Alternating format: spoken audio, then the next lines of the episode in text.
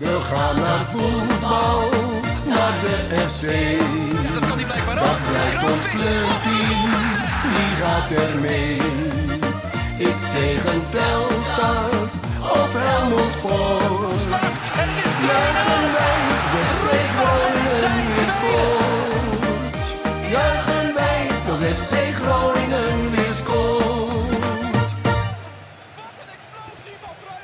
Conform in de podcast, aflevering nummer 13 van seizoen 6. Mijn naam is Maarten Siepel en ik zit weer aan tafel met natuurlijk Thijs Faber. Mooi. En teruggekeerd vanuit Kenia, Wouter Holzappel. Hallo. Hoe was het, Hols? Ja, Eh, ik zal eh, proberen dit geen reispodcast eh, te laten zijn. Maar het, eh, ja, anderhalve week eigenlijk maar, maar het voelt echt als eh, een maand. Ja, je bent ook lang weg geweest voor mijn gevoel. Ja, maar ja, in die tijd is er niet alleen bij mij eh, veel gebeurd. Want ik heb natuurlijk echt die anderhalve week helemaal volgepropt met alles wat ik daar wilde zien en doen. Maar ook eh, in Groningen is het eh, het nodige gebeurd. Dus ik, heb wel, ik had ook wel echt het gevoel dat ik wel een maand aan FC Groningen had gemist. Jullie wandeling heb ik natuurlijk op de dag dat ik Ja. wegging. Nou ja, wat er allemaal uit voortkwam en volgde. Eh, mensen die ineens de club gaan verlaten. Eh, het, was, eh, al- een, het was een drukke periode. Eh, het was een hele drukke periode. Nul punten voor FC Groningen in de tussentijd. Oh nee, volgens- nee. Ho, ho, ho. Niet zo negatief, hè? Thijs beginnen, dat komt, eh, dat komt straks jouw negativiteit weer. Maar, maar Nee, maar het was, eh, was mooi. Ja, kijk, eh, heel, kort, heel lang vooral kort. Mijn moeder die heeft in 2009 daar vrijwilligerswerk gedaan. En toen was ze bij een vo- voedselprogramma voor oud- oudere mensen die geen familie hebben. En toen viel daar een sponsor weg. Dus toen had mijn moeder zoiets van met de vriendin... nou, dan gaan wij hier iets opzetten om daarin te voorzien. En daar zijn zij nu voor de tweede keer op bezoek geweest en ik mocht mee. Dus ik mocht dat eh, ook allemaal gaan zien, hoe die mensen daar leven en zo. Nou, dat was best indrukwekkend. Ehm, en daarna gingen we nog gewoon eh, lekker eh, wilde diertjes kijken in een, in een nationaal park. Een beetje leeuwtjes zoeken en... struisvogels en dat soort gekkigheid. En ja, vooral door, heel veel door het land heen rijden met zo'n auto. Dan zie je echt van alles. Want alles gebeurt daar buiten en op straat. Ja, ik, ik heb wel iets, in mijn Insta-story gezet van... Ik weet niet, die mensen kunnen echt alles op een motor meenemen. Van banken tot koelkasten, alles gaat achterop. Als, iedereen zou zijn rijbewijs kwijt zijn als ze dat hier zouden doen. Maar goed, dat is een beetje de samenvatting, denk ik, van eh, wat ik allemaal heb gezien. Nou, welkom terug in ieder geval. Bedankt. Eh, we hebben deze week wederom nieuwe Petje.affers. Deze keer zijn dat Laurens de Vries, Milan Koerts. Eh dankjewel. Tweemaal. Voor het eh, support van onze podcast. En binnenkort verschijnt er een nieuwe aflevering van eh, Gehoord op de redactie. Waarin wij met eh, Bas Kammerga het gaan hebben over de bestuurscrisis binnen FC Groningen. We gaan het over van alles hebben. Natuurlijk de wedstrijd tegen Roda, de away day. Wat daarna vooral gebeurde, want daar waren wij bij. Ja. We waren eh, ja, toch een, eh, een van die auto's eh, die, die onderhevig was aan, aan, aan, het, steen, aan de stenen en alles en trappen en alles. Nou ja, daar gaan we het allemaal over hebben, over de 50 plus 1 regeling. Maar Thijs, ik wil toch ook even terugblikken. Wij hebben vorige week, even zo uit mijn hoofd, dinsdag, hè, toen waren wij bij de Ronnie site. Ja, klopt. En vertel er even open over wat, wat we deden daar. Nou, wij waren door de Rolly site gevraagd om daar te vertellen over onze wandeling. Hè, dit was ook bij hun niet eh, eh, onbesproken ge- gebleven. En eh, de Rolly organiseert, eh, voor de mensen die de Rolly niet kennen, dat is een eh, supportersvereniging die opkomt eh, voor eh, ja, de belangen van eh, eh, minder valide supporters van FC Groningen.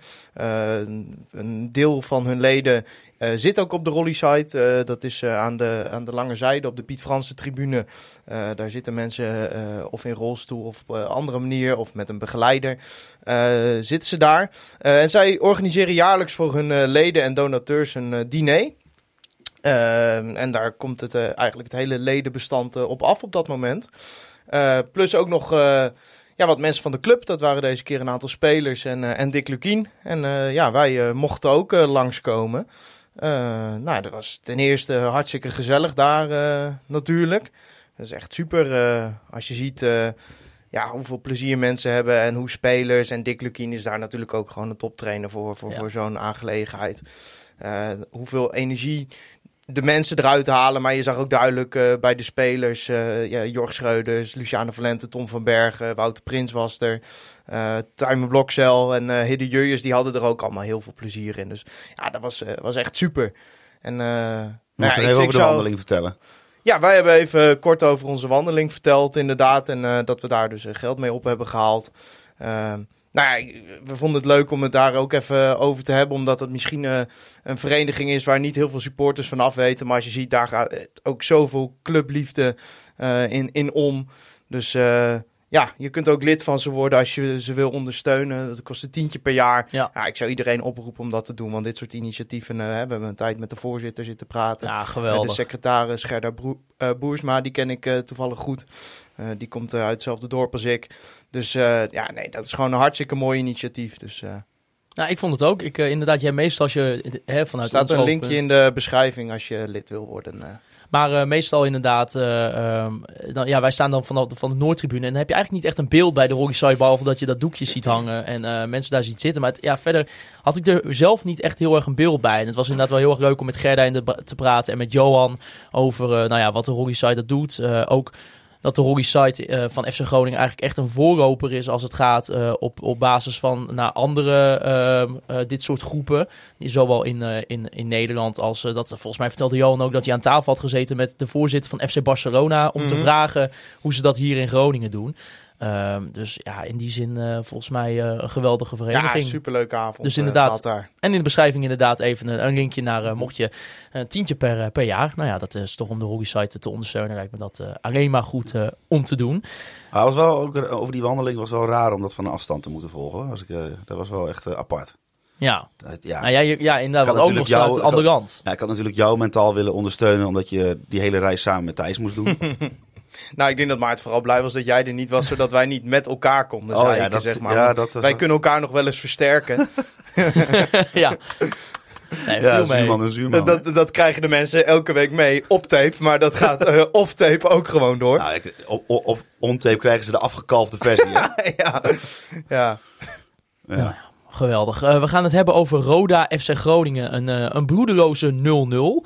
Eh, FC Groningen speelde in dezelfde opstelling als tegen FC Dordrecht. Er was wederom ruimte de, voor vijf jeugdspelers met Postema, Van Bergen, Valente, Schreuders en Wouter Prins. Ja, ik zeg wel bloedeloze 0-0, maar volgens mij, Wouter, hebben wij een hartstikke leuk potje gezien. Nou, het was in ieder geval voor het eerst in tijden dat ik erbij was, dat ik dacht dat er wat te halen viel. Hè, dat je niet jezelf afvraagt aan het eind van zo'n helft van was dit het slechtste wat ik ooit heb gezien. Het was nu het tegenovergestelde. Nou nee, dat is niet waar. Het was niet het tegenovergestelde. Maar het was in ieder geval... Het was niet het allerbeste wat je ooit... Nee, maar het was wel echt... eh, dat groeide ook een beetje in die eerste helft. Dat je op een gegeven moment dacht van... dit- er zit hier wat in. Er valt hier wat te halen. En nou ja, als je naar de, een club gaat die eh, op, de- op dat moment van hun 21 haalbare punten de 18 haal, eh, thuis hebben gehaald. Dan ga je, wel- ja, ga je wel met een cynische inborst ga je dat stadion in natuurlijk. Ja, we kregen ook een luisteraarsvraag van Jaap de Kleine. Die was benieuwd, gaat het Thijs nog lukken om dit seizoen nog wat positiefs eh, over het spel van FC Groningen te tweeten? Probeer eens de zon in het water te zien schijnen, Thijs. Nou, volgens mij heb ik op mijn Twitter-account in de rust van die wedstrijd gezet dat het een uitstekende eerste helft was. Dus eh, ja, maar dat, ik, ik vond het inderdaad eh, zeer onderhoudend. Eh, ik, ik, heb FC Groningen, volgens mij zeg ik dat wel vaker, nog nooit echt dit seizoen minder gevonden dan de tegenstander. Maar nu had ik daadwerkelijk het gevoel van wij zijn beter. Ja. Eh, en dan dat bij een uitwedstrijd bij de op dat moment koploper, het veelgeprezen Rode JC, ja, dan eh, presteer je goed. Maar ja, eh, ook deze wedstrijd is indicatief voor het gefaalde aankoopbeleid. Want het feit dat je niet scoort, heeft te maken met dat je geen scorende aanvallers hebt. En eh, ik snap aan de ene kant het dilemma van Lukien. Ik denk dat ook deels van dat het zo goed liep, was dat er voorin met die vier spelers voorop ontzettend veel energie in het spel werd gelegd. Alleen het probleem is dat ja, met Postema en Tom van Bergen, ja, die, ja daar kun je, kun je nog drie van zulke wedstrijden spelen. Die gaan niet scoren. Dus ja, dat, ja, dan ga je toch een beetje met een dubbel gevoel. Ik probeer het echt van de positieve kant te zien. Want ik vond het daadwerkelijk echt een leuke wedstrijd van de FC. En het is denk ik het spel wat we graag zien met energie. Er werden veel ballen uit de tweede lijn teruggewonnen. Er werden driehoekjes gemaakt, waardoor het spel snel liep. Maar ja, wat heb je eraan, zeg maar? Behalve dat je met een beter gevoel naar huis gaat dan wanneer je slecht speelt 0-0 of zelfs verliest, zeg maar. Ja, klopt. Maar ik vond wel, ik, ik vond het de leukste wedstrijd die ik dit seizoen heb gezien van FC Groningen. Ja, maar de lat Eh, ligt ook niet zo heel hoog. Nee, weet ik. Maar ik, ik, als je kijkt naar het aantal kansen wat we hebben gehad, dat, dat ligt denk ik misschien op acht of negen kansen. Ik heb de statistieken er niet zo bij. Maar ik, ja, ik heb ontzettend genoten van dit FC Groningen. Hoe gek dat misschien Ja, ook de eerste klinkt. 65 minuten en de Ja. laatste 10 misschien nog. Daartussen zat een, eh, ja, zou ik noemen, een, wis een wisselwindow, zou ik het willen noemen. Mhm. Maar eh, wat ik eigenlijk heel opvallend vind hieraan, is dat je dus nu speelt met vier man. eh, de vier voorste posities zijn vier jeugdspelers. En het lijkt erop, als je gewoon nu naar de ontwikkeling kijkt van andere spelers die eh, eh, eraan zitten te komen qua fysiek of weet ik veel wat. Dat dit de vier zijn waar je het mee gaat doen de komende Ja. tijd. En dat zijn vier jeugdspelers. Nou ja, Dus, het, als je in de middenmoot van de KKD wil als jij- moet je dat doen, ja. dus wat je eigenlijk zegt, is dat jij de afgelopen transferperiodes eigenlijk amper tot geen toegevoegde waarde hebt ingekocht op die vier posities. Ja. Want de vier die er staan, zijn jeugdspelers. Ja, dat is, maar dat is geen hele rare conclusie, toch? Nee. Ja, Nou ja, het is een verschrikkelijke conclusie en het is tekenend voor het wanbeleid wat hier gevoerd wordt. Maar het is wel, de, denk ik, de waarheid. En, en eh, het feit dat je nu zegt, ja, Van Veen past niet in dit systeem, wat, wat Lukien feitelijk zegt. Ja, nou sorry, dat, dat, daar, daar schiet mijn bloeddruk heel ver van omhoog. Dus om even te schetsen. Afgelopen zomer, hè, je haalt Lukien, je zegt hè, we halen hem eh, vanwege zijn speelstijl en dit en dat. Hij wordt ook betrokken bij het aankoopbeleid. Dan ga je diep in de buidel tasten. Geef je een driejarig contract aan een spits die je een vorstelijk salaris betaalt. Waar je ook nog even dik een half miljoen voor neerlegt om hem los te weken bij Motherwell. Wat denk je dan? Is dat een spits die druk zet? Maar blijkbaar is dat wat we zoeken. Of is dat nu omdat het toevallig even lekker uitkomt? Want ik denk dat het eerder dat is. Want je gaat mij niet vertellen dat ze eh, bij het eh, welbekende compositieoverleg zaten van... Nou, Dick, wat wil je? Twee spitsen die druk zetten. Weet je wat? We halen een 32-jarige spits uit Schotland... die nog nooit van zijn leven echt druk heeft gezet. Ja, of eh, ze moeten er een drukzettende spits in gezien hebben... maar blijkbaar is het voor Dick Lukien belangrijker... dat je 12 kilometer loopt dan dat je doelpunten maakt. Nou Want ja, anders stel je deze twee niet scorende spelers niet op. Ik denk als je teruggaat naar de podcast van ons eh, na de oefenwedstrijd tegen PEC. Toen eh, zei Kevin van Veen voor het eerst voor de camera van... Ik moet dingen doen, ja, dat heb ik, dat heb ik nog nooit eerder in mijn carrière Ja. gedaan.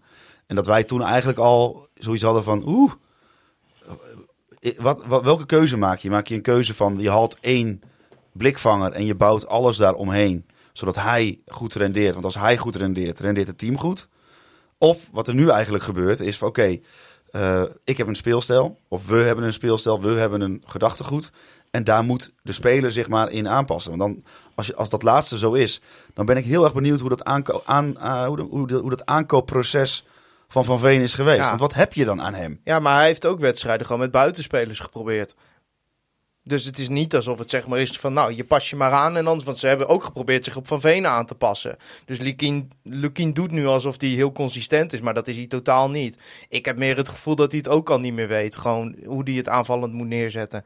Kijk, ik snap nogmaals dat, dat zeg maar met Van Bergen en Postema ga je Roda niet aan het voetballen krijgen. Want ja, die rennen zich helemaal stuk. Maar op het moment dat die bal veroverd wordt, staat er niemand in de punt. Nee. Niemand. Nee. En het klopt dat we wat schoten op doel hebben gehad. Maar ga maar gewoon eens even naar de kansen kijken. Zijn het kwalitatieve kansen? Nee, weer niet. Vind ik, oh, daar ben ik echt niet met je eens. Ik vind dat we echt... echt een paar eh, schoten uit de tweede lijn op de lat. Nou, ge- geweldig. Ja, ik weet niet. Ik vind, ik, eh, het ja, feit sorry, dat ik blijf Schreuders erbij. drie keer in schotpositie komt, vaker in schotpositie komt dan de spitsen, dat zegt alles. Je voetbalt door het druk zetten, opportunisme, voetbal je wel wat bij elkaar, maar met aanvalspel heeft het niks te maken. Het is Renje rotspel, Rode komt niet aan het voetballen, het ziet er heel leuk uit, we hebben genoten, er lag veel energie in, maar hier ga je echt nooit, nooit, never, nooit mee promoveren, want dit is niet genoeg. Want je gaat niet scoren op deze manier. Nee, maar moeten we nu ook niet heel eerlijk zijn dat, dat we de laatste weken hè, eh, het promoveren wel even uit ons hoofd mogen zetten. Dat je misschien Ja. überhaupt eens Nou een ja. keer mag Erg. blij- Ja, maar, ja, maar je mag toch.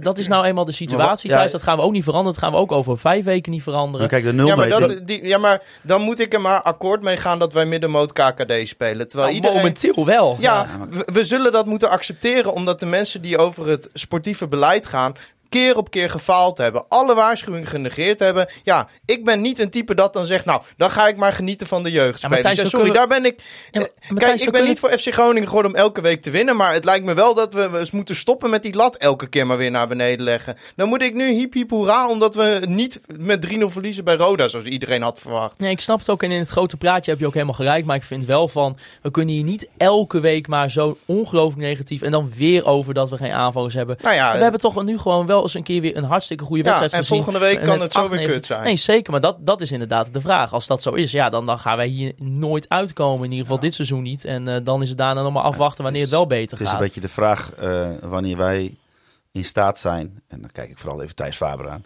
om eh, deze, eh, Thijs, nieuwe realiteit te accepteren als de nulmeting? Ja, nooit. Omdat ik vind dat het een schande is dat we hier ooit beland zijn. Het is niet onvergeeflijk. Onvergeeflijk. En daarom, kijk, Gudde is wat mij betreft nog steeds maar het begin. Iedereen die iets met dit aankoopbeleid te maken heeft, die er nog niet zat deze zomer, moet gewoon weg. En dat bedoel ik niet persoonlijk, maar deze mensen gaan... Waarom zouden deze mensen... Ja, ik zeg, nou ja, je hebt wel een beetje gelijk dat ik elke week hetzelfde zeg. Ja. Maar waarom zouden deze mensen weer nu over, de, over het selectiebeleid moeten gaan?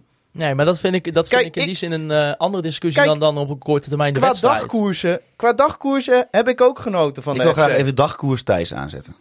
Ja, maar dat, dat gaat er bij mij niet in. Want ik ben. Ja, maar als jij 200 keer mij op mijn bek slaat en dan een keer een schouderklop geeft, dan ga ik toch ook niet zeggen van nou wel fijn dat je me een keer een schouderklop geeft. Want volgende week kan FC Groningen me gewoon weer op de bek slaan in principe. Dan komt FC Eindhoven thuis en dat is ook helemaal geen slechte ploeg. Nou, die gaven zich in en wij scoren weer niet, want wij hebben geen scorende aanvallers. En dan zit ik hier weer hetzelfde verhaal te vertellen. Dus ik, ik ga er helemaal in mee. Ja. Genoten Nou, ik moet wel zeggen... van ik, het druk zetten, genoten van de energie, genoten van de jeugdspelers. Maar dat is het ook wel. Ja, nee, eh, genoten van, van de, ja, daar komt hij, hè, de cliché, de sfeer in het uitvak. Ja, maar dat is altijd top. Maar ehm, ja, da- da- daarom kuch ik ook soms een beetje. Want ik, had, eh, ik zag in één keer een rookpluim op me afkomen. En in paniek wist ik even niet hoe ik ook alweer mijn eh, trui voor mijn mond eh, moest doen. Dus ik heb nogal wat die rook. eh, mijn, Ja, dat longen, was een mooie mijn, mijn longen zijn ook groen tegenwoordig. Ik nieste vanochtend en toen zat er allemaal eh, groene, groene chak in mijn snot van de rookbom. Wij- stonden er echt middenin, inderdaad. En een leuk liedje, een nieuw liedje. Ja, was ook mooi. Dus dat is nou, in die zin helemaal top.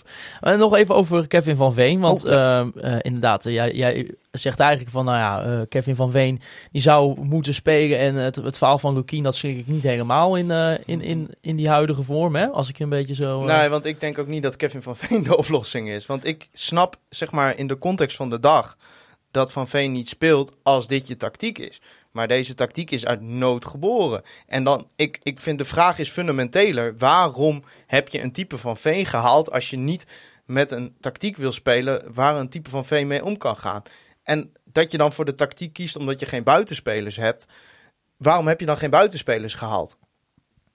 Kijk, dat vind ik fundamentelere vragen dan waarom speelt Van Veen wel niet. Want ik snap best, ja, Van Veen gaat nooit kunnen brengen wat Van Bergen brengt in opzicht van eh, druk zetten van energie in een wedstrijd leggen. Maar ja, Van Bergen gaat nooit een doelpunt maken. Dus ja, Nou, bijvoorbeeld, we hadden ook eh, twee luisteraars, Casper Zoethout en Christian Wieltje. Die waren ook benieuwd, moet de FC dan ook afscheid nemen van Kevin van Veen in de winterstop?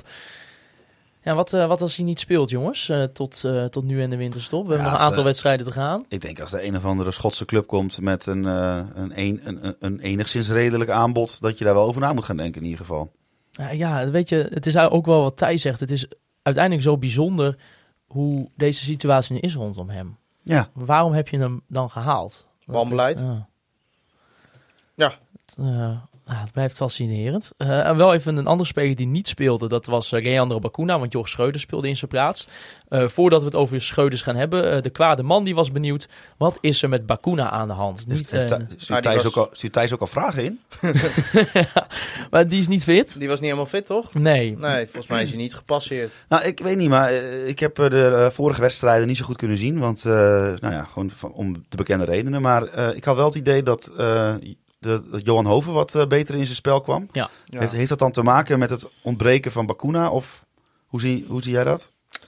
Eh, ik denk wel dat hij met Pelupessi achter zich toch iets minder hoeft te verdedigen. Ja, maar en, daarnaast ook Pelupessi is natuurlijk iemand, dat is, die is, nou ja, afgrijzelijk dienstbaar zou ik willen Ja. zeggen. Dus die, die stapt echt zo aan de kant om eh, Johan Hoven na- een stap naar voren te laten doen. En dan bedoel ik het niet letterlijk in het veld, maar figuurlijk. Hè? Een stap naar voren om eh, eh, op het podium te treden. En is dat met Bakuna dan anders? Dat Johan Hoven misschien iets meer, nou ja, eh, denkt van, eh ik, Bakuna is de man, die is de aanvoerder, dus ik doe een stapje terug. Ja, ik weet het niet per se. Het kan ook zijn natuurlijk, eh, we weten allemaal dat Hoven, eh, zeker mentaal, maar ook wel fysiek van ver moest komen. Het kan ook zijn dat hij die schroom nu een beetje van zich afgooit. Dus ja, ik weet niet. Kijk, eh, causaliteit is niet altijd... Correlatie is niet meteen causaliteit. correlatie is niet altijd causaliteit. Voor Dus- de academische luisteraars Ja. onder ons. Dus het zou wel kunnen trouwens hoor. Omdat ik denk dat misschien de combinatie qua type spelen Pessi en, en Hoven misschien samen beter werken. Maar ja, ik ben nog steeds wel van mening dat ondanks dat van Bakuna niet, niet top is geweest tot nu toe. eh, hij wel altijd zou moeten spelen als hij fit is. Ook, ja, ook, ook dat is een verhaal van, van ja, qua salarisdruk, zeg maar. Ja, hoort hij natuurlijk een van de eerste namen op papier te zijn. Maar goed, dat zou ook voor Iran dus en Abraham dan moeten gelden. Maar goed, ja, dat is nu niet zo. Foutloos, hè, hier dan dus. Die was wel weer foutloos, ja. Maar ik ga het even positief houden, deze aflevering. Laten we even Rini naar voren schuiven. En dan gaan we naar de Online Retail Company moment van de week. Het Online Retail Company moment van de week.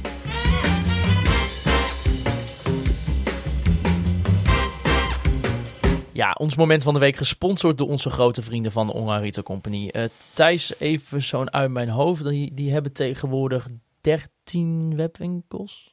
Ja, de- die fout wordt vaker gemaakt. Eh, het zijn er 15. 15? 15. Ja, 15 gespecialiseerde Ook, webshops. ook nog gespecialiseerd, dus het zijn geen algemene webshops. Nee, gespecialiseerd, maar ze hebben wel een ruim assortiment. Oh, Zodat je goed kan kiezen. En bij die keuze word je ook geholpen.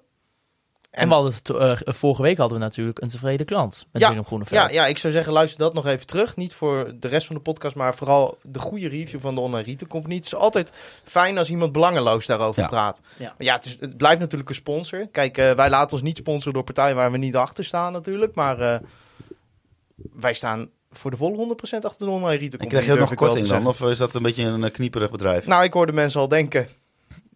What's the catch, zeg maar. Nou, het wordt nog beter. Met de code KVM of de code DIK, DICK, 15% korting op het gehele assortiment. Ja, het blijft me toch elke week weer verbazen. ja, ik, je bent even in. van de leg. Ja, nou ja, ik zei dat we inderdaad een linie naar voren gingen schuiven. Want we gaan het hebben over Jorg Schreuders. Ja, de kleine die had een vraag. Die zegt, heeft Jorg Schreuders de plek van Bakuna definitief overgenomen... of belandt hij weer op de bank als Bakuna hersteld is? Lukien was in ieder geval hartstikke enthousiast. Ja, die Ik- had ik- het zelfs over grandioos, geloof ik. Ik, weet, ik, Thijs Voorkeur ken ik wel. Ja, wat mij betreft speelt Scheuders, ja. Ja, maar dan gaat... eh maar Valente ook, maar ook eruit. Bakuna, ja. Ja, ja, ja, ja, ja, ja, nee, ja, nee, dat heb je goed ingeschat. Ja, nee, ik ken jou Fijn dat je weer terug bent. Iemand die mij wel begrijpt. Ja, nee. ik, Ja. eh, het is toch een beetje wij twee tegen maten, hè? Ja, ja, zeker vandaag. Hij heeft ook ineens een mening. Irritant vind ik dat. ik ga zo meteen weer even drie keer door hem heen praten. En dan is hij wel weer stilte. Maar Schreuders twee keer de rat geraakt, Ja, speelde een heerlijke wedstrijd. ja maar die, die gast... Ik ben er nog steeds niet helemaal uit wat voor type het is. Maar die gast is fucking snel. Hij heeft een goede dribbel. eh, verovert ballen. Ja, ontzettend nuttige speler. Dus Ja. ja, ja ik denk eh, van alle talenten die we rond hebben lopen... op dit moment eh, het grootste talent. Maar hij, eh, hij raakt dan twee keer de rat. Eh Sjoerd-Jan Gispen en Vin Strijker die hadden de vraag... Ja, hoeveel pech moeten we nog doorstaan?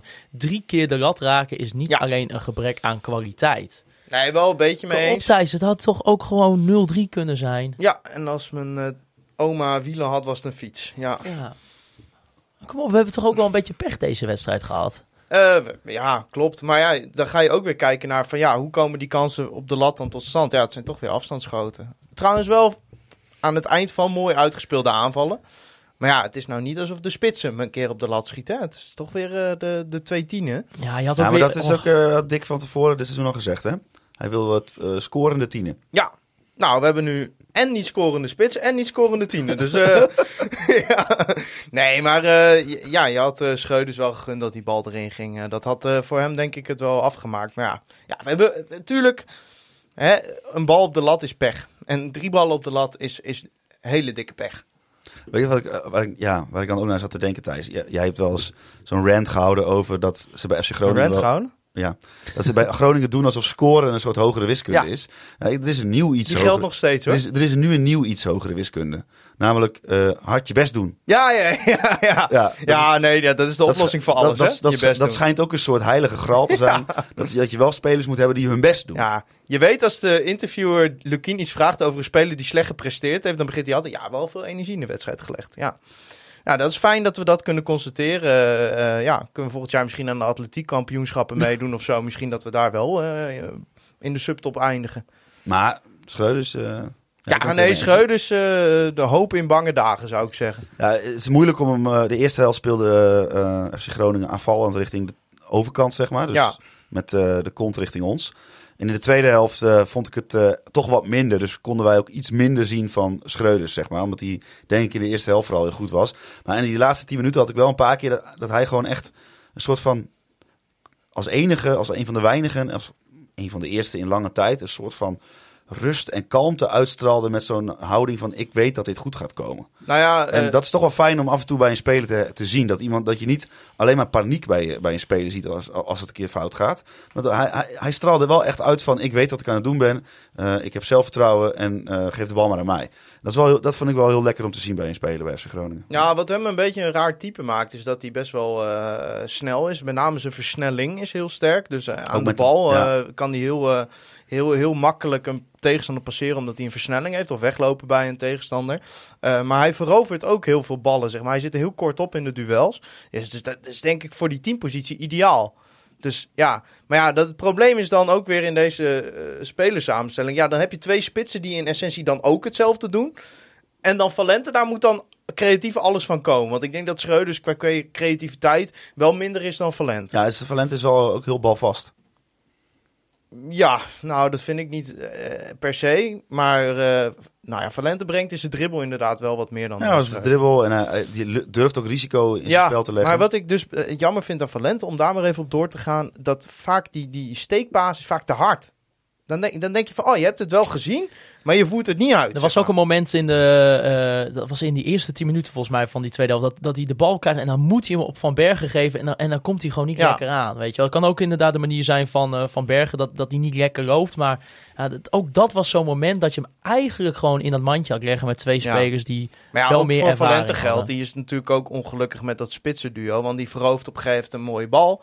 eh, zet Van Berg in de 1 tegen 1. Ja, als je daar een capabele spits hebt lopen, die speelt die speler uit en die scoort, zeg maar. Of die komt in ieder geval tot meer dan wat dit was. Want dit was erop aflopen niet weten wat je moet doen dan maar een uit de heup een schot geblokt door de verdediger. Ja, dat was niet zo'n hele sterke actie. Nee, klopt. En nu had jij het ook, Hols, over dat tussenmoment. Hè? Eigenlijk in die Ja. fase dat het spel een beetje dood eh, ging. Eh, over de wissels van Lukien had Martijn de Haan een vraag die zegt...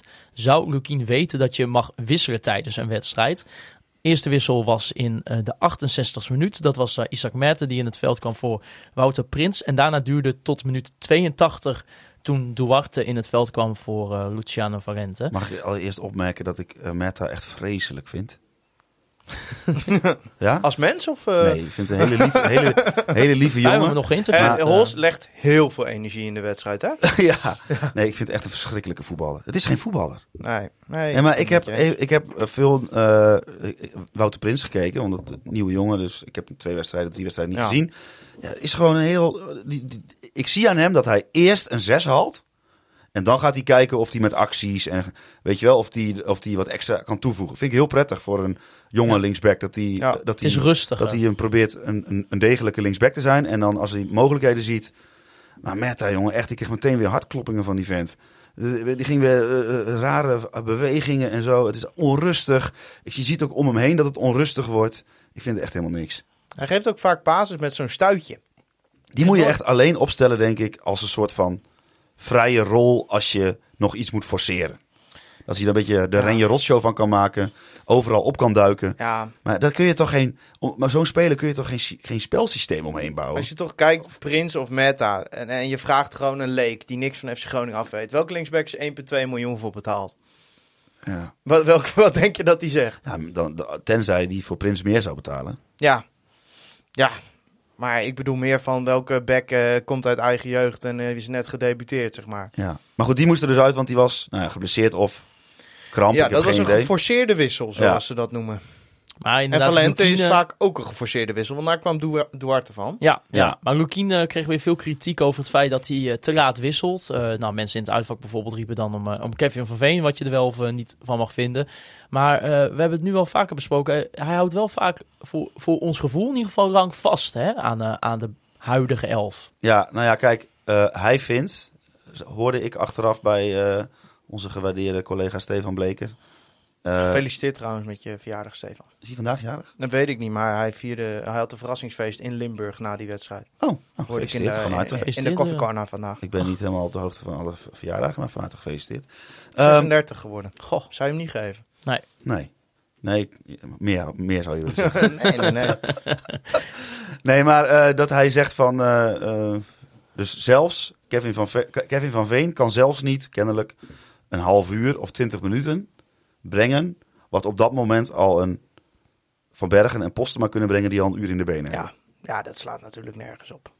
Nou ja, dat is wel het hoogst twijfelachtig. Want- Ja, maar dit is toch... Maar even, kijk, ik, ik, ik, eh, ik denk niet dat Van Veen de oplossing is, hè. Maar Nee. Maar Roda was op dat moment, als je, eh, hè, als je toen twee, drie wissels had gebracht die even weer wat pit hadden gebracht, was Roda echt rijp voor de slacht.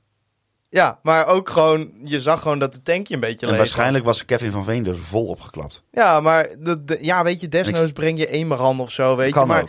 iets van nieuw elan. Want die wedstrijd zat gewoon een beetje op slot. Ja, en je- rond minuut 60, 65. Ja. En eh, dat was ook zo'n fase dat ik denk, ja, kut, dan gaat hij zo weer voor Roda vallen. Nou, dat- Cornertje of zo, zeg maar. Had ook wel gekund, maar... ja, nou ja, wat dat Ja, betreft Roda was ook wel matig, hoor. heel matig. Maar ik moet ook wel zeggen dat ik, eh, eh, ik ga nu even weer, vlieg even weer een hele andere kant op. Is dat ik vleugjes heb gezien van het begin van vorig seizoen van Radinho Balker. Ja, nou, ik vind het in ieder geval samen met Peersman achterin... en dan met name ook met Jurjes die de rust brengt... het begint een beetje op een normale verdediging te Ja, lijken. ik ja. vond, ja, misschien dat het Jurrius er wel mee te maken heeft trouwens zelfs. Dat, eh, want ik sluit het niet uit. Ik vond Balker in principe eh, foutloos.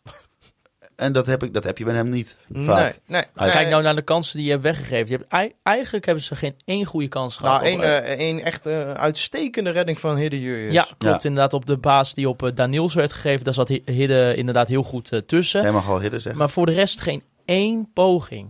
Nee, nee maar kijk, goede poging. Kijk, en, dan, en kunnen we ergens beginnen. Hè? Maar, zeiden we na speelronde 2 ook trouwens. van ja, defensief prima. Dus eh, ja, ah, het is gewoon jammer dat je, dit, dat je niet even inderdaad, dan maar met een kutgoal, wel zo'n wedstrijd wint. Hè? Dan hebben ze Ja. ook weer succesmomenten. Maar ja, om die wissels, ik was daar wel mee eens. Ik vond het. eh, ja, ja, ik zeg niet altijd dat iedereen in het uitvak. eh, als, als zeg maar, je moet de mening van de meerderheid niet verwarren met de waarheid.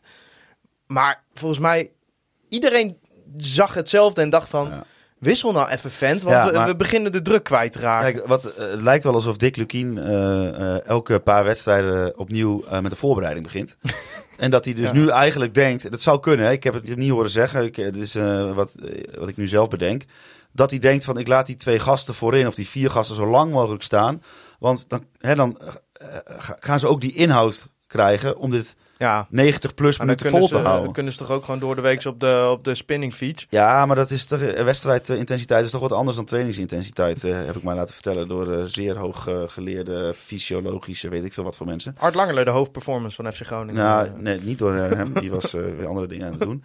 Maar ehm, dat, dat hij denkt van, ik moet het gewoon zo lang mogelijk laten staan, want hier ga ik de vruchten van plukken la- oh, de komende Ja. wedstrijden. Zou kunnen, maar alsnog, ik denk dat, ja, kijk, als je dan vindt dat Kevin van Veen het niet kan brengen over 90 minuten, en je, zet hem op de bank en je mag hem, hij mag elke keer acht minuten invallen. Die gast die gaat dan toch als de brandweer juist, als je hem nu, nu brengt. Ja, maar weet je, eh, geef hem 20, 30 minuten. Ja, wat mij betreft speelt hij nog steeds. Omdat hij gewoon... Ja, ik, ik denk niet dat hij de verlosser is. maar ik denk nee, wel nee, dat hij je beste spits is. En de enige persoon die eh, op eh, zondagochtend in die bus stapt eh, bij het Zorgcentrum... die überhaupt een doelpunt kan maken. En ja, weet je, we, we kunnen heel lang lullen over druk zetten of wat dan ook. Maar je hebt er geen reet aan als je geen doelpunten maakt. En ik denk dat dat toch zo'n speler is. Ja, ik snap best dat Roda dan misschien iets makkelijker aan het voetballen komt. Maar het is me nu wel heel veel draven en heel weinig doelpunten eh, Oké. op deze manier. Ja, resume. Andrew van Le- Leuven vraagt: Hebben jullie een beetje vertrouwen gekregen voor de rest van het seizoen op basis van deze wedstrijd? Ik ga de vraag niet aan Thijs stellen voor de negativiteit, maar de vraag aan jou, Wouter Olsappel. Heb jij een beetje weer een positieve schwung? Nou ja, ik, eh, eh, nou nee, geen positieve swing. Oké. Waarom? Nou, gewoon omdat we een leuke wedstrijd hebben gezien. En eh, twee wedstrijden daarvoor was ik wil, het gewoon een, ook op veel fases ik niet, wil gewoon een keer een overwinning zien, een normale overwinning. Zeven wedstrijden niet man. gewonnen, jongens. In de Ja, Ja, maar de laatste vier wedstrijden heb je, heb Ik je ben maar het helemaal met je. Oh, nou, werelds. En twee keer de nul gehouden. Nee, kijk, Oh, Maarten, even- Op naar de grote markt. Feestje. Podcast Zeven keer niet gewonnen in de KKD, man. Je moet je doodschamen met onze begroting. Podcast- Maar kijk, op korte termijn, het was geen kutwedstrijd. Die, die, die wil ik je Nee. geven. Nee, maar podcast technisch mate ben ik het helemaal mee eens dat, dat jij vooral, en, eh, ik doe daar niet aan mee, eh, Thijs af en toe even eh, op zijn negatieve gezeur mag aanspreken. Dat het soms ook Ja, een beetje te veel is. Hè, dat er ook mensen zijn die, eh, die eh, da- daar eh, nou, slecht van slapen en zo. maar ik ben aan de andere kant ook een beetje klaar met de negativiteitspolitie die dan gaan zeggen dat je na een fucking 2-2 thuis tegen Dordrecht niet negatief mag zijn. Dat ik echt denk van waar in de lieve vrede ben je met je club beland als je dan al niet meer negatief mag zijn. Nou, ik vind dat eh, als mensen vinden dat ik te negatief ben, ik snap dat, maar ik ben ook negatief. Ja, ik kan me er zelf niet toe zetten Nee, maar sommige mensen die willen... blij te worden van een keer een goede wedstrijd spelen. Nee, maar ja, sommige mensen willen dat je zeg maar eh joelend en lachend zo op de rand van de afgrond afloopt en er gewoon indondert.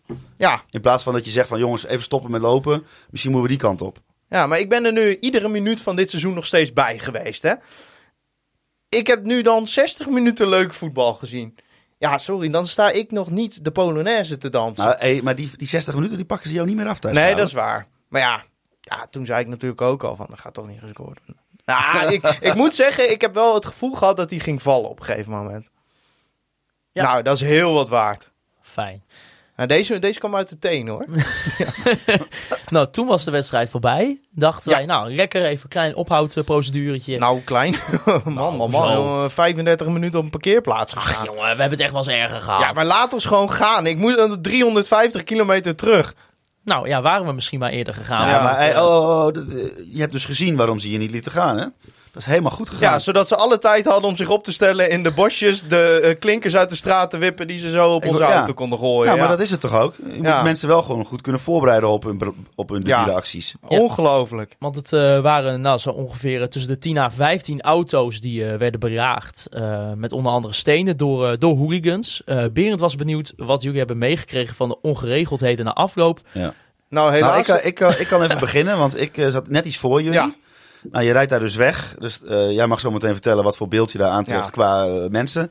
Maar ik eh reed zeg maar het terrein af en dan ging je naar links. En dan had je zo die tankstation en dan werd je zo de ring Ja. opgeleid. Toen wij naar links gingen, keek ik naar rechts. En toen zag ik daar allemaal schimmen over een le- verder lege, want wand afgezette weg aankomen rennen. Ik denk, oh, wat gaat hier gebeuren?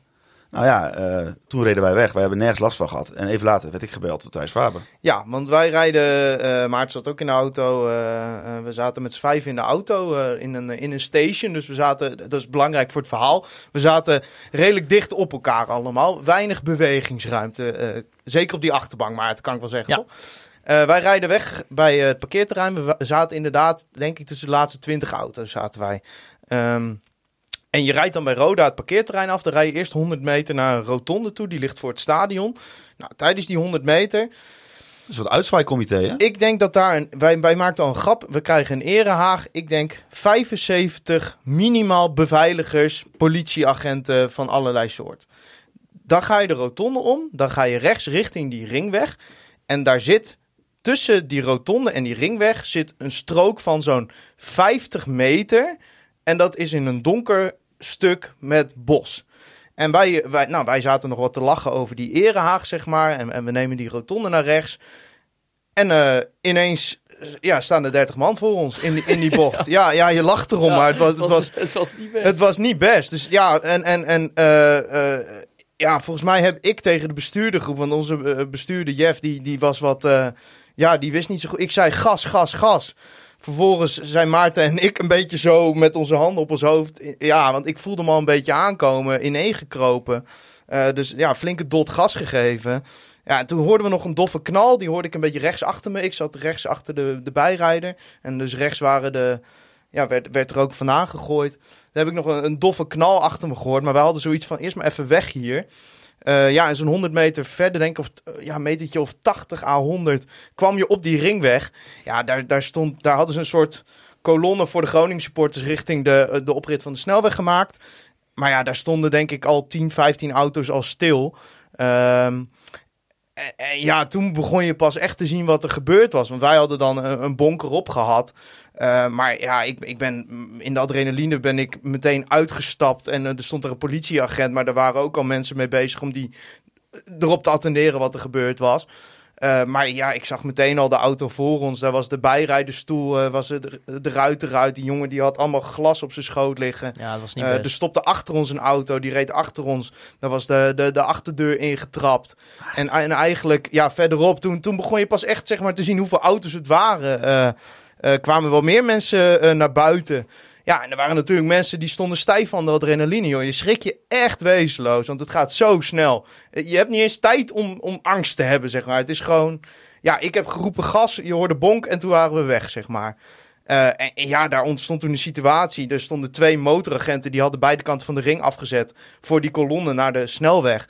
Ja, en, en daar snelde iedereen natuurlijk naartoe. Want ja, je, je moet iets, zeg maar. Hè? Want ja, er waren gasten, daar was gewoon echt, echt gewoon een complete ruit van de bijrijderstoel uitgegooid. Ja, toen zijn we zelf ook maar even gaan kijken wat bij ons de schade was. Nou, wij hebben, ja, want je hoort een doffe knal, je weet niet wat het is. Ja, ik denk dat het of een trap of een modderkluit of zo is geweest.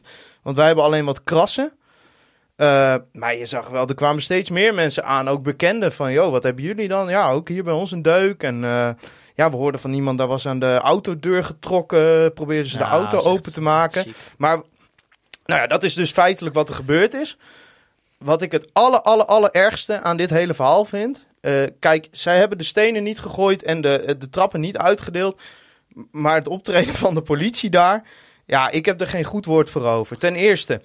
Eh, nou, wat ik zeg, die, die, trouwens, dat vind ik niet het allerergste. Het allerergste vind ik de mensen die, die deze laffe daad begaan hebben. Maar Ja, maar het ergste is dat het niet gebeurd had hoeven te zijn. Nee, want eh, het gaat om een strook van zo'n 50 meter. Hè? Eh, waar hoorde ik later, VVV is hetzelfde overkomen met een bus. Eh Top Os is zoiets gebeurd. De graafschap. De graafschap heb ik ook. Ja, ik, ik kan het allemaal niet factchecken van VVV, weet ik het zeker. Ja, Daar want heb ik ook foto's dat van heb gezien. ik ook opgezocht. Ja, ja. en ehm, het gaat over een stuk van, van 80 meter. Als wij naar een uitwedstrijd gaan, of dat nou bij Helmond is of bij Nijmegen bij NEC, staan er vanaf 20 kilometer voor dat stadion. Ja, mijn bloed- bloeddruk schiet er een beetje van omhoog, omdat ik dit gewoon zo bizar vind. Staat er op iedere afrit staat er escort. Staat er om die bus te begeleiden. Om wat? Er, zit- zitten dan 200 mensen in een bus die met 120 over de snelweg rijdt. Er kan niks gebeuren. En dan op dat moment is daar niemand. Niemand die in die hoek staat waarvan bekend is. Dat is een donkere hoek. Daar kunnen mensen uit de bossen komen.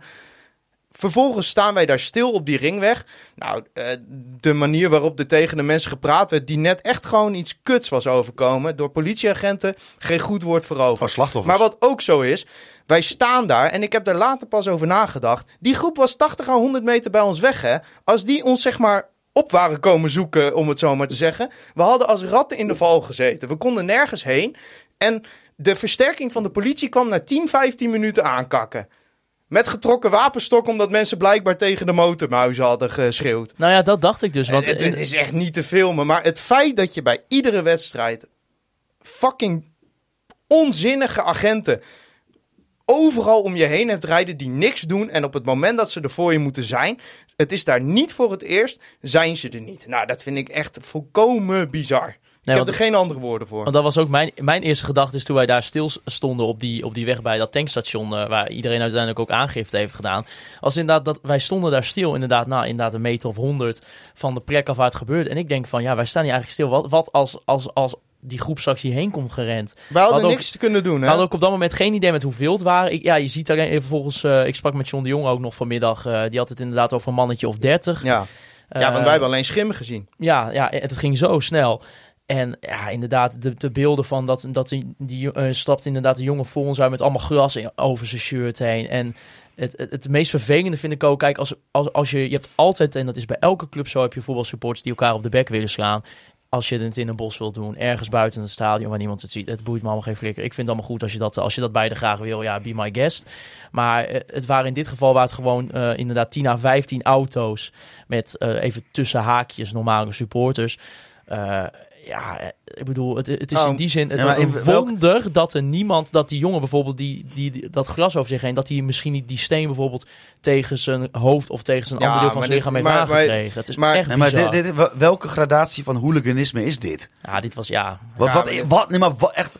eh, eh, ze wonen ver weg, dus ik durf hier wel. Wat voor ongelofelijke debiel ben je als je dit doet? Ja, nee, eh, ja, eh, geen woorden voor. Eh, het is gewoon pure lafheid. Het is echt van een zo maar ook zeg maar, ongelooflijk wat, laag wat niveau. Maarten heel terecht zegt van, weet je, kijk, wij zijn niet in een stadion. Waarom moet ik daar onderdeel van worden? Ik ben niet in een stadion voor problemen. Ik wil gewoon mijn fucking club supporten daar. En ik wil daarna naar huis kunnen zonder dat mijn auto kapot wordt gemaakt. Ik heb. Eh, al- Weet je, eh, ik, ik kom al jaren eh, bij 80% van de uitwedstrijden. Je- Er gebeuren altijd wel dingen. Maar ik weet altijd, als ik niet onderdeel ervan wil zijn, dan overkomt mij niks. Nee, dat, dat, is, dat is ook altijd wat Nou- ik aan mensen die het niet snappen uitleg. Maar nu zijn er gewoon 10 tot 15 auto's van mensen die daar alleen maar waren om hun club te supporten, gewoon beschadigd. Hè. Dat hebben mensen voor eh, duizend euro schade, dat durf ik wel te zeggen. De deuken die ik heb gezien in auto's, de ramen die eruit lagen. En gewoon het feit dat je daar op die ring staat. En dat je, ja, ja, het, het is dat ik het achteraf pas bedacht. Maar ik dacht, ja, je moet eigenlijk maar hopen dat de harde kern van Groningen erbij is om je te beschermen. Want van de politie hoef je het blijkbaar niet te hebben. Als die gasten naar ons toe waren gelopen, hadden gezien dat iedereen gestopt was. En gedacht hadden van, oh, er valt misschien nog wel wat meer te halen. We hadden niks kunnen doen. We waren weerloos. Er was niemand geweest op twee motormuizen die het verkeer... We staan alleen maar het verkeer te regelen, zei er nog één. Eh, die, ze hadden niks kunnen doen. En dan het feit dat vervolgens eh, de versterking van de politie komt. En het eerste wat ze doen is de wapenstok trekken. Omdat er blijkbaar wat mensen. Ja, vind je het gek als er net een steen door je auto is gekeld?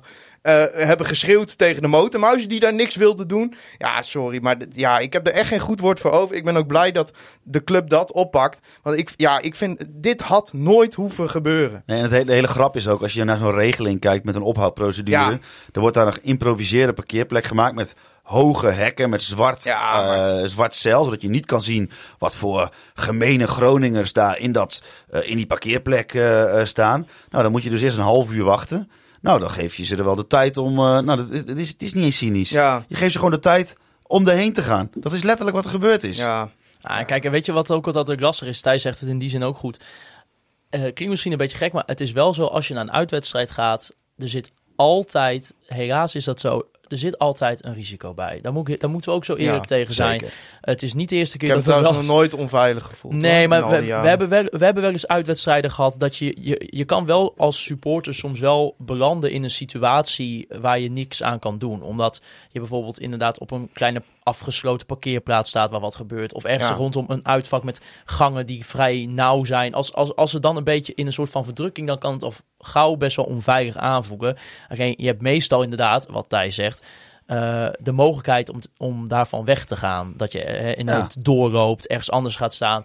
Maar eh, ja, in dit geval, ja, we, we konden Nee, maar- niks doen. zeg maar, ehm, ik denk dat wij alle drie wel behoorlijk tegen eh, hele beperkende regelingen zijn. Ja. Maar in dit geval, als je zo'n regeling hebt en je voert hem veiligheidstechnisch niet goed uit, dan ben je niet eh, het gevaar aan het voorkomen, dan ben je het gevaar aan het faciliteren. Want Eh, dat, als dat wij- gevoel kreeg Maar je kijk, maar kijk, heel simpel. Hè? Ik bedoel, ik weet dat het niet zo werkt. Maar als wij allemaal op ons eigen houtje met de auto naar eh, het stadion konden gaan. En we konden op het hele parkeerterrein, overal waar we wilden, konden wij onze auto neerzetten.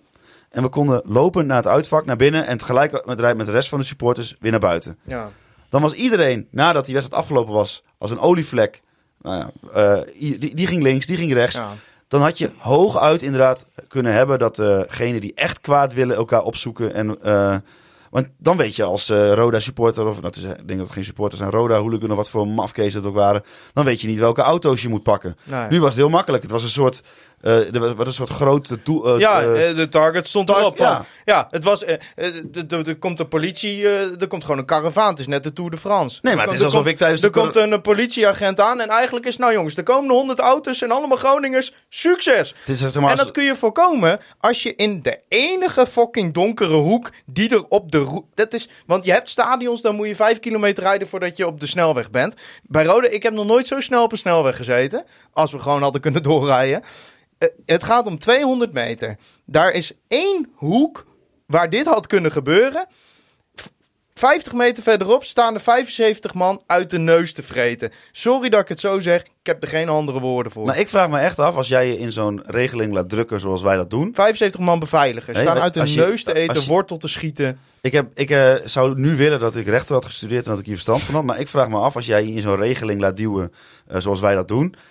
Eh, dan mag je ook, denk ik, weet ik niet zeker.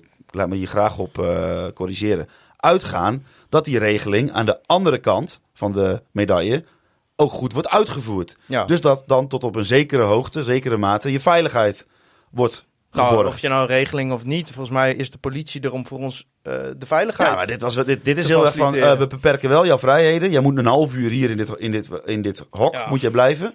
Maar zodra we het hok open doen, ja, dan, eh, heb je, dan, gaan we alleen, dan gaan we alleen verkeer er tegenhouden. Ja, nee, ja, ja, maar dit is, ja, ik, ik kijk, eh, de, de politie kerkraden, ja, of Heerlen, ik weet niet waar ze vandaan komen. Ik, eh, ja, ik heb er echt geen goed woord voor over. Ik ben, Nee, ik, eh, nee, ja, dat is, bizar. ik, ik heb er echt geen woorden voor. Ook de manier waarop ze mensen te woord stonden die net iets. Ja, kijk, eh, ja, traumatisch, dat klinkt meteen zo groot. Maar eh, nou, dat, nou, dat is wel gewoon even. Ja, het zijn misschien niet zoveel mensen die het overkomen. Het komt wel even binnen. Kijk, wij hebben echt. Echt waar, ik prijs de dag dat wij geen ruit of zo eruit hebben. Wij zijn er echt goed vanaf gekomen. Maar er zijn mensen, jongen, die stonden te trillen op hun benen daar en terecht. Ja, ik heb het zelf niet zo eh, meegemaakt omdat het zo snel ging allemaal. Nee, maar dit is gewoon, eh, je maakt in principe een poging tot mishandeling mee. Ja, nou ja, ik, ik, Als jij- eh, het kwam zo uit het niets. Hè. Tijdens die wedstrijd, je had, dat, je had dat ludieke doekje en dat was het ook wel. Het was niet grimmig, het was, ja... Nou, een dat, ik vond dat doekje van hun nog wel leuk ook, ludiek. Een steen, door, een grappig, steen ja. door een rijdende auto gooien, hè, dan kom je in de, Ja. rechts, in de rechtszaal kom je daar behoorlijk ver mee hoor. Ja, of eh, Dat is misschien wel- deuren proberen open te trekken. Wat denk je daarvan? Ja, nou ja, doe maar. Ik moet wel zeggen, ik wil nog wel een, eh, een shout-out doen naar de eh supporters ehm, eh, coördinator van Roda. Want die kwam wel gewoon ook even naar die plek Ja. toe. Ehm, had het daar ook even niet makkelijk, want er zaten mensen hoog in hun emotie ook, eh, Ook tegen hem te praten. Wat, wat ik, wat ik eh, nou ja, enigszins kan begrijpen, want je ruit is net ingegooid of wat er ook was ja, en dan gebeurd. komt dan iemand in een roda pak. ja. Ja. maar echt, eh, ik wou wel daar even zeggen van dat hij, eh, ja, hij komt daar wel even en ook voor ons eigenlijk, hè, komt hij Ja. dus. eh, eh, en ja, Nou, dat is en, al, dat is eh, kloten voor Onderbandering, eh, operationeel directeur FC Groningen, liep er rond. John de Jonge, support, ja, die was er, eh, voorzitter van de supportsvereniging, die was er per ongeluk onderdeel van. Nienke en eh, Henk waren erbij. Hetzelfde geldt voor eh, Jorik van de, van de eh, commissie wedstrijdzaken, die daar ook eh, ja, goed optrad. Echt eh, meteen in een soort medierende rol ging. Dus ja, gelukkig. ja. ja, maar ik wil gewoon met name, eh, zeg maar, wij zijn er echt eh, oké vanaf gekomen. Maar gewoon de mensen die dat overkomen. Dus ik hoop echt dat er mensen zijn. Weet je, eh, al ben je Groningen supporter met een schadebedrijf en wil je tegen kostprijs voor die mensen oplossen. Want dit wordt heel lastig om te verhalen, ben ik bang.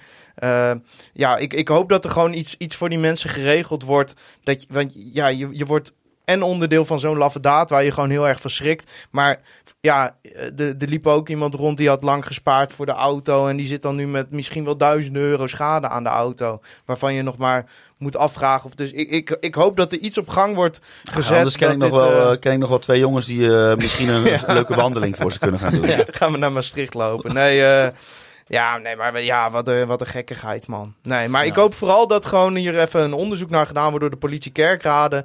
En dat er gewoon even conclusies worden getrokken. Eh, ja, dit is volgens mij niet de manier waarop je eh, zoiets moet faciliteren. Nee. We gaan het eh, nog één, eh, even over één ding hebben. Dat is eh, de 50 plus 1. Eh, Och, hoe dat dat het, het, het woord is, is al meerdere keren gevallen in de afgelopen weken. En nu was er ook bericht vanuit de supportersvereniging dat die graag dit 50 plus 1 model willen hebben. Het houdt in dat de club altijd een, een meerderheid van de aandelen heeft. En in eigen bezit dus houdt en nooit kan verkopen. Ehm, dit is een model wat in Duitsland natuurlijk heel, eh, heel populair is. En in eh, Duitsland doen ze dat dan ook met de gedachte dat eh, voetbal een grote maatschappelijke rol heeft. En niet in de handen van nou, het speeltje van de rijke mensen mag worden.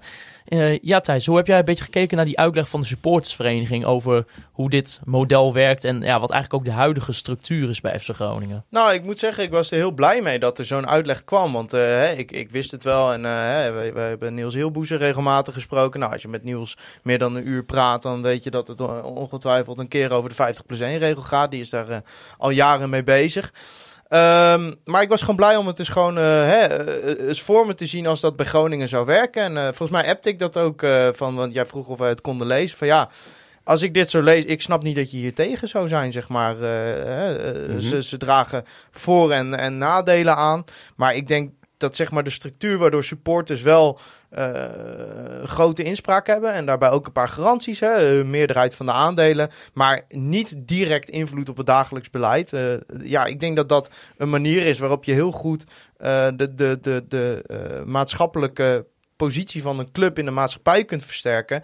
Maar ook gewoon eh, de continuïteit van de club een, eh, een grotere eh, eh, eh, Ja. eh, prioriteit kan geven. En eh, dat het gewoon veel democratischer Ja. is dan het nu is. Ja, want ik denk eigenlijk wel als je gewoon kijkt, ik bedoel, dat dezelfde soort mensen zullen dezelfde soort posities blijven bekleden. Want je bent altijd op zoek binnen de RVC naar iemand die bij 15 bed- 5 tot 10 bedrijven zeer veel eh, financiële ervaring Ja. heeft opgedaan. Ja, financiële ervaring of andere Nee, maar ik noem eventjes de financiële positie bijvoorbeeld. Ja. Dan krijg je altijd iemand die gepokt en gemazeld is in de, Ja. bedrijf- in de bedrijfswereld. Nou ja, Erik Mulder is daar een goed voorbeeld Ja, precies. van. eh, bijvoorbeeld, die is nu dan opgestapt, maar eh, die, eh, ja, die heeft die financiële Dus ervaring ik denk dat daar niet zoveel aan hoeft te veranderen. Nee, Aan- aan- nee, nee, maar- Het, kijk, voor de mensen die dat niet weten, zoals nu is, je hebt de, de Raad van Commissarissen natuurlijk, waar het de laatste week heel veel over gaat. Nou, die controleren in principe de directie, dat is hun werk. Maar die hebben bijvoorbeeld niet het mandaat om de directie uit hun eh, positie te zetten.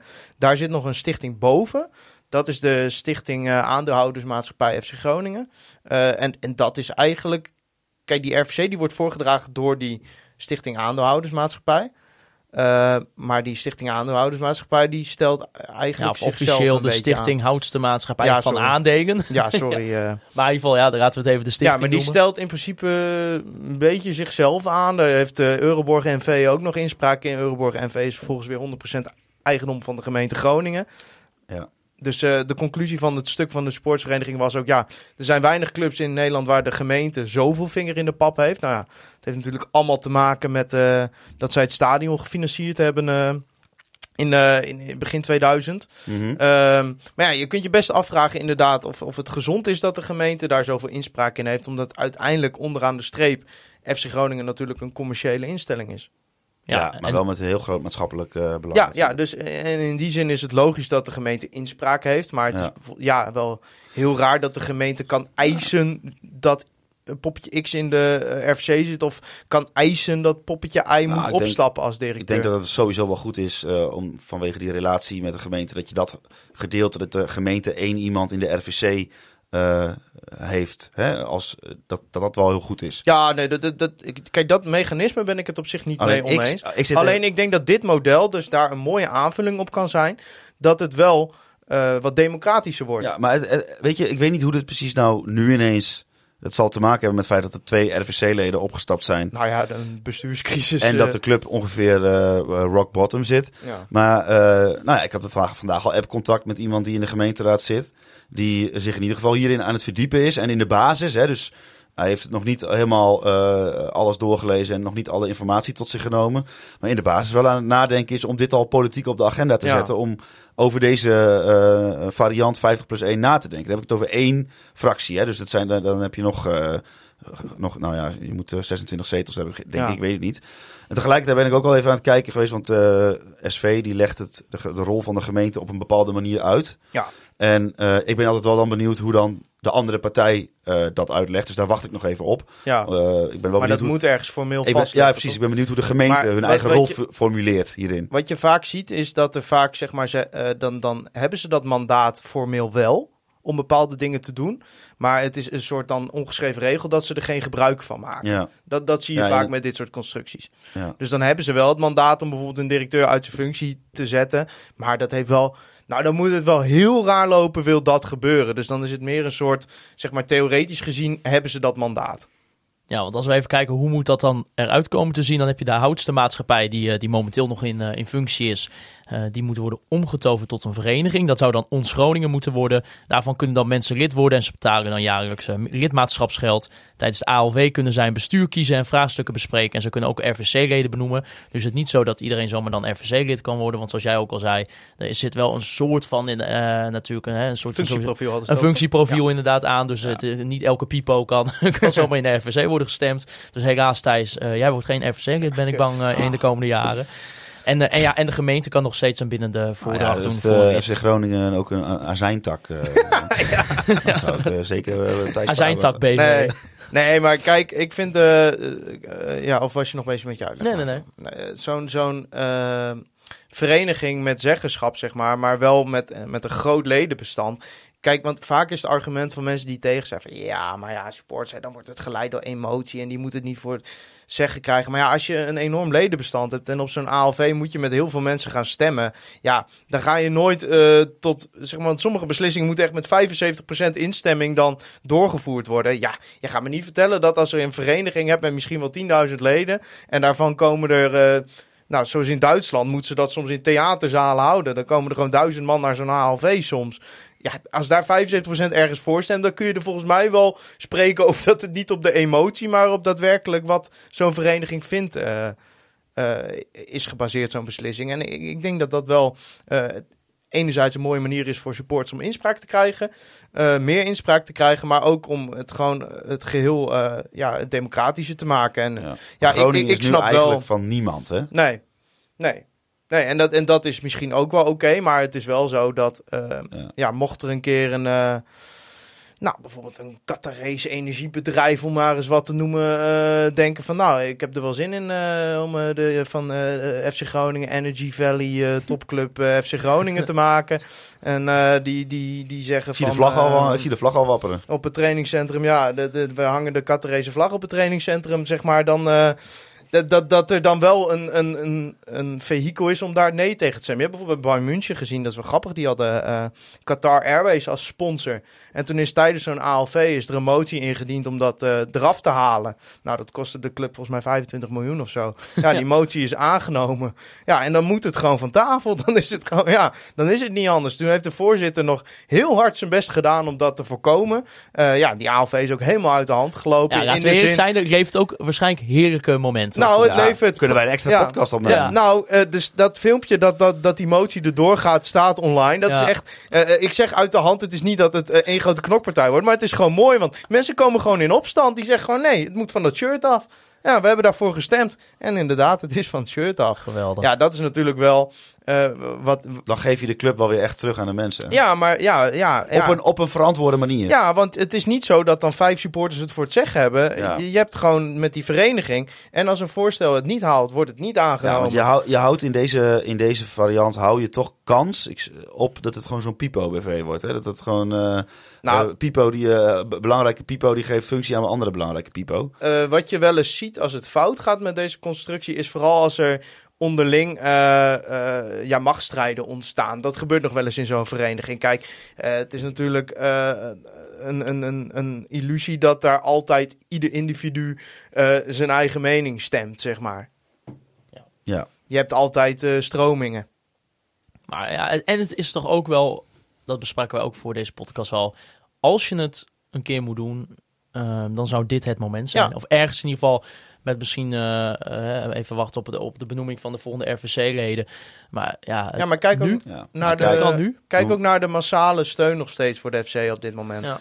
Dit is wel het moment om dat misschien eh, ja. En ik denk ook dat het ook voor in de, daden voor kracht bij te ons zetten. Groningen en wie daar ook allemaal bij betrokken zijn. En wie we, ja goed, als, als je dit wil, wie, misschien zijn wij er zelfs wel bij betrokken als eh, supporters. Dat je ook wel dan eh, een soort van ja, lobby moet gaan opstarten. Want kijk, ik, ik bedoel, er zitten allemaal mensen in de gemeenteraad. Die hebben echt, die snap je, die, die, dit is echt ab- abacadabra taal, Ja. dit voor ze. Nou, laten we beginnen je- met dit stuk te Dus je- lezen. je moet die mensen gaan ook een beetje eerst opvoeden. Van hey, dit is hoe Ja. het nu is. En dat heeft deze en deze gevolgen. En voor jouw partij, de, nou ik noem eens eventjes de PvdA, zou het helemaal niet zo gek zijn als we naar deze situatie gaan. Nou, dan moet je er een beetje in masseren. ja, ja. En een bakje koffie met die gaan drinken. Je zoekt binnen zo'n partij zoek je een beetje degene die FC Groningen wel leuk vinden. Nou, en ik denk dat dat wel, ja, daar zit eigenlijk wel veel werk en tijd in. Maar ik denk wel dat het heel belangrijk is dat je op die manier, in ieder geval die kant van het besluitvormingsproces aan je kant gaat krijgen. Ja, want we wil. vergeten wel eens. Ze hebben dus bij de gemeente dus ook wel andere dingen eh, waar ze eh, over moeten vergaderen en druk over maken dan FC Groningen. Ja, ja, ja, ja, dat klopt inderdaad. ja. Het, totaal onterecht overigens, maar eh, ja. Ja, Dat is nou de situatie thuis. dat uh, schijn ik wel eens uh, wat mee te doen voor mijn Ja. werk ook. Ja. Nou, ga jij onze lobbyist worden? Nou ja, ik ben dan niet uh, meer de onafhankelijke objectieve journalist. Nee, Nee, hoeft Nou, ook niet. eh, nou, vind ik ook. zullen we even stemmen? Wie is voor? Uh, hoeveel, hoeveel procent hebben we nodig? Uh, twee derde moeten we halen, denk ik, aan deze tafel. Daar ben ik voor. Ik ben ook voor. Ja, ingevoerd. Unaniem. Klasse. Mooi. Nou, dan kunnen we volgende week beginnen met bouwen. Ik ben Aan ook de voor vereniging. trouwens. Ja. Heerlijk. Ik heb het nu Ik zei unaniem. Dat insinueer Ja. dat jij ook voor bent. Klopt. Jongens, geen eh, wedstrijd eh, dit weekend. Jammer. Misschien ook wel even goed thuis na het zware weekend. We zijn ook nog bij Mechelen geweest. Ja, bij nog. KV Mechelen. Ja, Eh, ja. dus, Veel mensen eh, die Verrips nog kennen daar. Ja, zeker. Waren ze niet allemaal eh, tevreden Nee, over. dat, nee dat en, ze hadden- en ook, ze waren kritisch over Danny, hè? Danny Buis. Ja, nou ja, die is daar misschien ook maar eh, zeven weken trainer geweest. Maar, maar ik heb dus... Nou, eh, N is één. Ik weet niet of de hele achterband van Mechelen er zo over denkt. Maar we hebben dus ontdekt... De resultaten vonden ze daar nog niet zo erg. Danny Buis moest, is zijn draagvlak in Mechelen verloren... omdat hij een paraplu boven zijn hoofd had op het veld. Oh ja? Ja, Ja. die supporter zei, eh, ik ga nu niet een Belgisch accent proberen na te doen. Die zei, die spelers moeten ook in de regen lopen, dan de trainer ook. En daar houden ze in Mechelen niet van. Ik denk zelfs dat Danny Buis het hiermee eens zou kunnen zijn. Ja, ben ik ook mee eens. Ja, ja. Nee, maar dan, dan- dan weet Danny dat. Ja, Ja. dat ze in Mechelen de resultaten, daar kunnen ze mee leven. Want zijn opvolger heeft het niet heel veel beter gedaan. Maar eh, die paraplu, dat heeft hem eh, de das omgedaan daar. Nee, en wat ze daar in Mechelen denken, daar zou Danny zoiets van zeggen. Ja, dat is hun waarheid. Ja, Dus dus dan is is het- waarheid, is ook mijn waarheid. Zo is het, ja. Maar zo is het, ja. Nee, in Mechelen houden ze daar niet van. Als je, als je in de regen speelt, dan speel je in de regen. Ja. Ja, ik vind het eigenlijk ook wel. En we hebben nog met wat jongens wat bier gedronken bij, eh, volgens mij, Bar Populaar Ja. of zo. Ook Groningers inderdaad. Dat was hartstikke ja, ja, er waren wel meer Groningers in eh, Mechelen. Ja, dus eh, nou hartstikke leuk. Ja. Al met al. Ja, Maar ja, volgende week geen eh, wedstrijd, maar... Ja, maar Ja. Natuurlijk, ja, natuurlijk komt er wel content. natuurlijk komt er wel content. Ja, en wat Ja. voor content. Wij hebben na vijf jaar eh, podcast een gast die al heel lang op ons lijstje stond. Ja, ik krijg er een beetje tranen van in de ogen. Ik, geloof ook, ik, geloof, ik denk dat ik voor het eerst starstruck ga zijn. ik meen het echt. Ja, ja, ja. Het is de man met de beste documentaire ooit. Een 100%. De beste documentaire ooit. Ook even shout-out naar Emiel Venema voor dat natuurlijk. Ja. De Venema. In de tijd dat je gewoon nog een documentaire kon maken om je eigen boek te promoten bij Ja, FC Groningen. ja. Dat vond ik wel mooi. Ja, en sowieso dat oude FC Groningen TV Ja. hè, met die intro. Als ik dat zie, dan... dan, dan, dan tranen. Ja, weet je, toen speelden we ook slechte wedstrijden. Maar dan weet je wel gewoon zevende in de eredivisie. En ja, deze, deze man is een legende. Eh 80, 90 sigaatjes mee naar het trainingskamp ergens in Spanje of op een Canarische eiland. Gewoon de voetbalsokken aandoen in de hotelkamer. Hij gaat Emiel Venema even binnen. Kom maar binnen, Emiel. En ja, dan gaat hij lekker een sigaar roken langs het trainingsveld. Ja. En woensdag vanuit familiehotel Paterzolde in Conforminder de podcast. Dat zegt Theo Huizinga. Theo Huizinga. Ja. Wauw. Ja, die stond... Wauw. Ja. We- we- Het is een beetje ontstaan toen wij naar NAC uit zaten. We in onze appgroepen in de auto. eh, eh, ja, toen hadden we weer verloren natuurlijk. eh, van eh, een beetje nostalgisch te doen. Kijk, wij zijn jong, maar ook wij hebben betere tijden met FC Groningen meegemaakt. En eh, ja, toen, toen was het volgens mij eh, Anton uit onze groep. eh, die, die, die stuurde ja, de, de documentaire van Theo Huizinga. Ja, Mijn dat- zoon is dat, hè? ja, jouw zoon, Anton Bos inderdaad. Ja, klopt. En, en die heeft. eh, en, en vervolgens had Anton ook het telefoonnummer van Theo Huizinga. Ja, dan is het makkelijk om Theo eens een appje te sturen. Nou, heb ik toch gedaan. niemand geeft meer zijn nummer dan Anton. En toen heb ik Theo eh, bericht en Theo die belde mij. Die zat nog in Spanje. maar hij wou heel graag opnemen in het familiehotel. Ja, toen jij uitlegde dat hij dan anderhalf uur mocht praten, vond hij wel mooi volgens mij. Hè? Ja, eh, ja hij stond, ik, ik denk nou, ik denk ja, ik- die man had geen idee wie we waren. Nee, mooi. Dat was zijn eerste vraag. Hij zegt, Maatsen, hij zegt, ik heb nog nooit van jullie gehoord. dus, eh, dus ik, zou, ik zou even uitleggen. En ik zei, nou ja, het lijkt ons leuk om een keer met jou een podcast te maken. Toch een beetje al een tijdje uit de picture als het Ja. om FC Groningen gaat. En toen zei hij, hartstikke leuk. Nou, eh, mocht, mogen overal komen. Ik- Ja, ik, ik hoop ook dat hij sigaren rookt, totdat hij in ons weegt.